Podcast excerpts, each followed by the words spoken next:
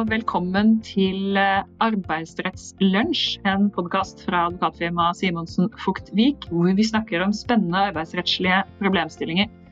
Jeg heter Lill Egeland, og i dag så er det både jeg og kollega Katrina McIntyre som skal snakke litt om en høyesterettsdom. Hei, Katrina.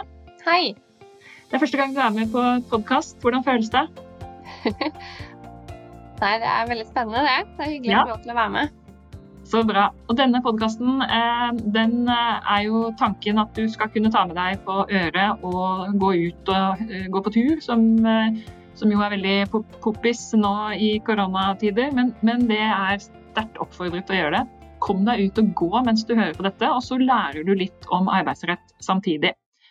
Og den dommen vi skal se på i dag, den har jo nettopp blitt avsagt av Høyesterett. Og i den saken så får vi et veldig spennende juridisk arbeidsrettslig problemstilling, nemlig dette med prøvetid. Katrina, kan ikke du fortelle litt om dommen og, og hva som var problemstillingen? Jo, eh, det kan jeg gjøre. Og så kan jeg først innlede med å si at eh, det er jo eh, en del arbeidsgivere som tenker at så fremt man har avtalt prøvetid, så er det nærmest rett frem, og da skulle si opp noen innenfor den perioden. Eh, og denne dommen her viser jo at det ikke er tilfellet. Eh, denne dommen her gjaldt jo da gyldigheten av oppsigelse i prøvetiden. Eh, og den reiser da særlig spørsmål om betydningen av at arbeidssøker unnlot å opplyse om et tidligere arbeidsforhold i jobbsøknaden, altså da forut for tiltredelse. Og dette var jo da en servitør som jobbet på en litt bedre restaurant i Oslo. Ehm, og eh, denne personen hadde tidligere også jobbet eh, på en rekke restauranter, også da som servitør, både i utlandet og i Norge. Og han hadde oppgitt eh, da disse arbeidsforholdene i søknaden og da CV-en som ble vedlagt da han søkte på stillingen. Det han ikke hadde opplyst om, var et arbeidsforhold som han hadde hatt rett før han fikk ansettelse da hos denne nye arbeidsgiveren. Eh, og eh, han hadde heller ikke opplyst at det arbeidsforholdet ble avsluttet som følge av en konflikt der. Han hadde da visstnok opptrådt truende da, på sin forrige arbeidsplass. Ikke sant? Han hadde vel ikke vært så lenge i den jobben heller, den han ikke opplyste om. Han, eh, var det ikke seks uker eller noe? Ja, det var seks uker han hadde vært der. Stemmer. Men han hadde tiltrådt jobben hos denne nye arbeidsgiveren, og når de fant ut eh, at han hadde, ikke hadde opplyst om eh, tidligere jobb, så ble de ikke fornøyde. Han hadde jo ikke bare unnlatt å fortelle at han var ansatt på den restauranten og at han hadde hatt konflikt. Han han hadde sagt, når det gjaldt de to, første, to siste årene før han eh, kom til denne restauranten, så sa han during the last two years, over two years, I was doing some things privately which are not relevant to the position. Så det er klart når arbeidsgiver oppdaget at han hadde hatt en konflikt og hadde eh, fått eh, avsluttet arbeidsforholdet sitt hos denne restauranten uten å opplyse om det, så eh, ble de sure og gikk til oppsigelse, Katrina. Og det, det var den begrunnelsen som Høyesterett eh, hadde på bordet og skulle ta stilling til, er det saklig grunn til oppsigelse i prøvetiden? Eh, at dette forholdet som vi her snakker om. Ja. Så det var jo da både det at han ikke informerte om at han faktisk hadde vært ansatt ved denne restauranten, men da også at han ikke hadde opplyst om denne konflikten, da. Ikke sant. Og da er jeg spent. Hva sier Høyesterett? Ja, Det Høyesterett Eh, gjør, er at de først sier noe generelt om det rettslige utgangspunktet ved oppsigelse i prøvetid. Og da viser de jo da først til bestemmelsen, eh, som da regulerer adgangen til å si opp en ansatt i prøvetid. Eh, og da er jo bestemmelsen sånn at om en arbeidstaker eh, er skriftlig ansatt på en bestemt prøvetid og blir sagt opp, så må oppsigelsen være begrunnet i arbeidstakers tilpasning til arbeidet, faglig dyktighet eller pålitelighet. Eh, og det de eh, Høyesterett sier da, eh, og da viser til tidligere rettspraksis, er at terskelen for oppsigelse i prøvetiden er derfor noe ikke helt ubetydelig lavere enn det som ellers gjelder.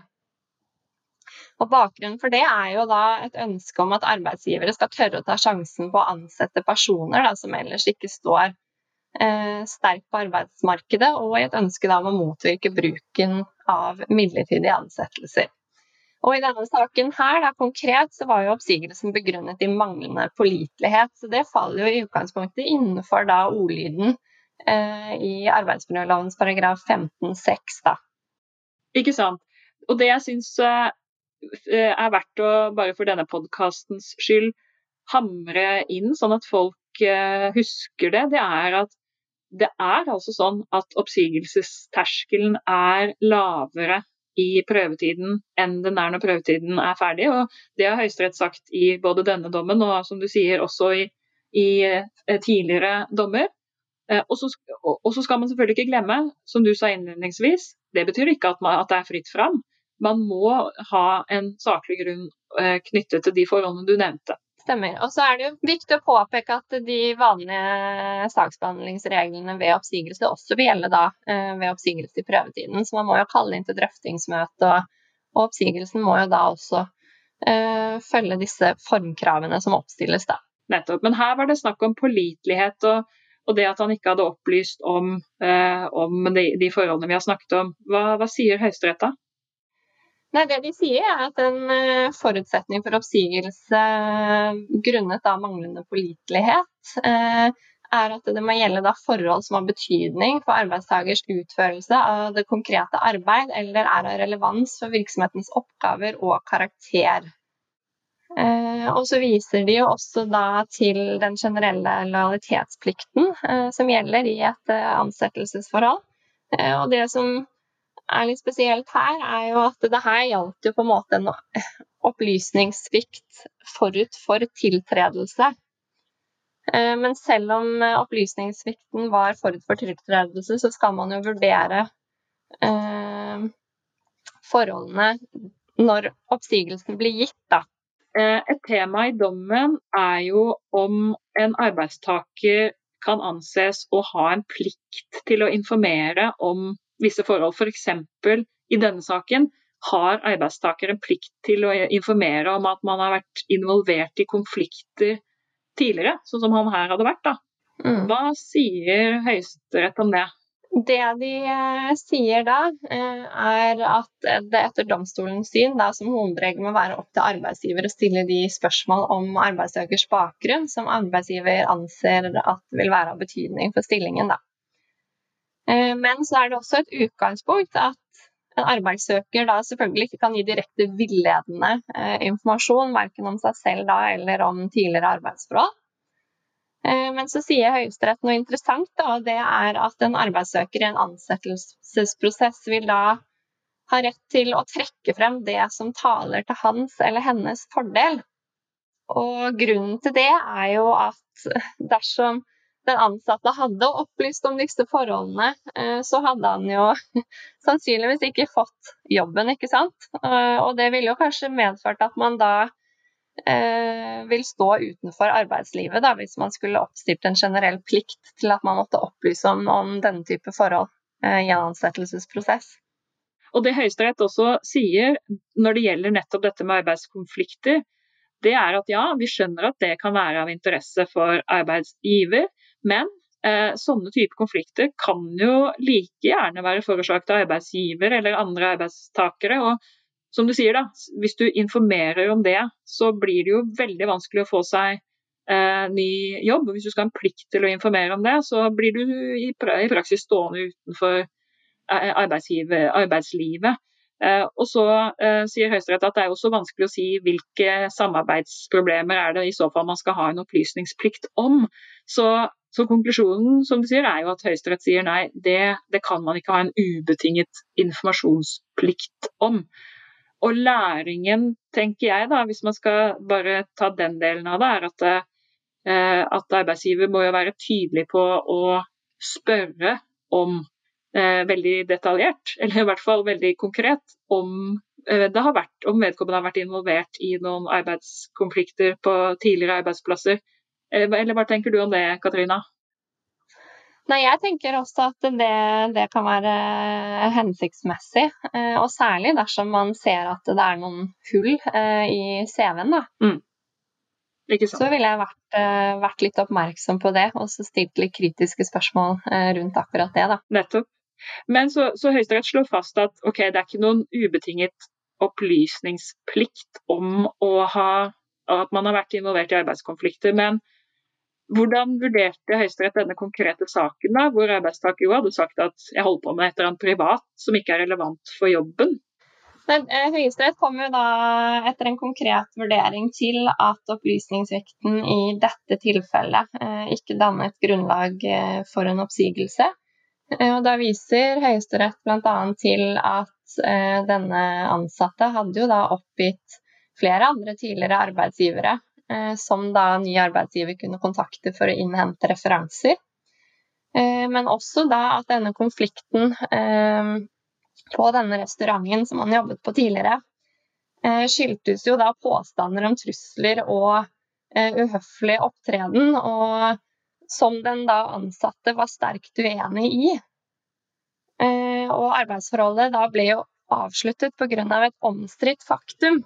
Eh, og det legger jo da Høyesterett vekt på. Og bare for å dvele litt ved det, så, eh, så mener jeg at jeg leste en antydning i dommen om at denne ansatte hadde også reist søksmål mot den restauranten hvor han påstått hadde vært i konflikt. Ja. Og han hadde vunnet den saken hvor han hadde påstått vært i konflikt. Så, så, den oppsigelsen som jeg tror han fikk fra denne restauranten, den ble kjent ugyldig, hvis jeg forstår Høyesteretts uh, sak eller votum riktig. Eh, er det sånn du også oppfatter det de skriver? Det er sånn jeg også oppfatter det de skriver. Eh, og så har jo denne saken, da selvfølgelig før den ender opp i Høyesterett, eh, vært behandlet både i tingretten og lagmannsretten. Og lagmannsretten la jo til grunn at disse beskyldningene ikke var sannsynliggjort, da. Ja, nettopp.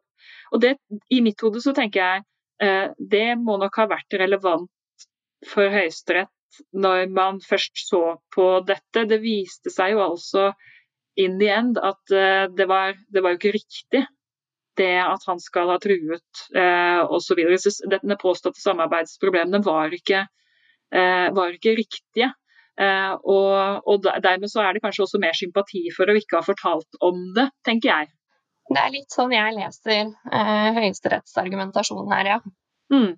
OK, men videre, eh, for det, da la de vekt på det. Hva, hva, mer tenkte de når de så på dette spørsmålet? Nei, Det de sier, da, er at det er jo ikke tvil om at uh, han har unnlatt å gi informasjon om dette. Og så har han jo også gitt noe villedende informasjon om hva han har gjort de siste to årene.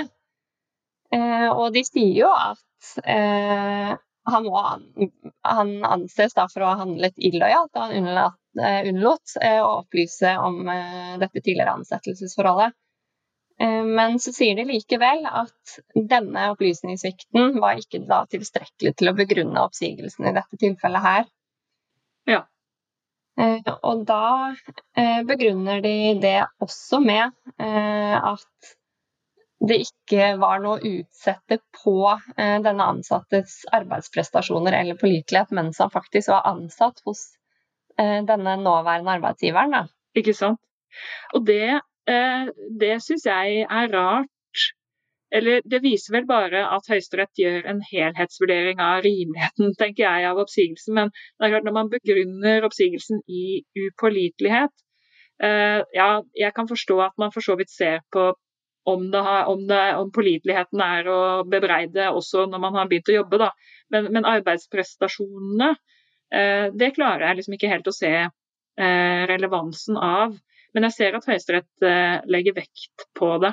Det jeg også syns er spennende med, med, dommen, det er at Høyesterett er veldig tydelig på, sånn som man også ser i mange andre avgjørelser, at prøvetiden er ment for at man har den lavere terskelen for oppsigelse i prøvetiden, nettopp fordi man skal kunne teste ut folk man er litt i tvil om. Og, og det knytter seg tilbake til hele systemet i den norske arbeidsmiljøloven om at man skal få folk i arbeid. Og folk skal få en ny sjanse hvis de har gjort feil før. Det skal være et inkluderende arbeidsliv. Og, eh, og man skal liksom ikke ha en, en, for høy terskel for å ansette folk, og det skal være vanskelig å bli kvitt dem.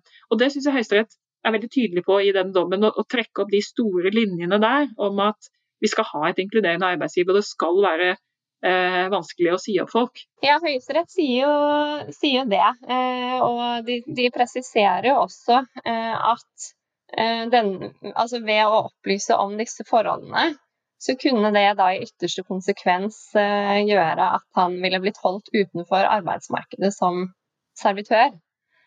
Um, og det viser jo da at Høyesterett legger stor vekt på dette som de sier med et inkluderende uh, arbeidsliv. Så det vi kan lære av denne dommen, tenker jeg, det er for det første at um, det er en lavere terskel for oppsigelse i prøvetiden, men at det fortsatt er en terskel, og den, uh, den er ikke ubetydelig høy. Uh, for det andre at arbeidsgiver må være bevisst på å være tydelig i sine spørsmål i rekrutteringsprosessen.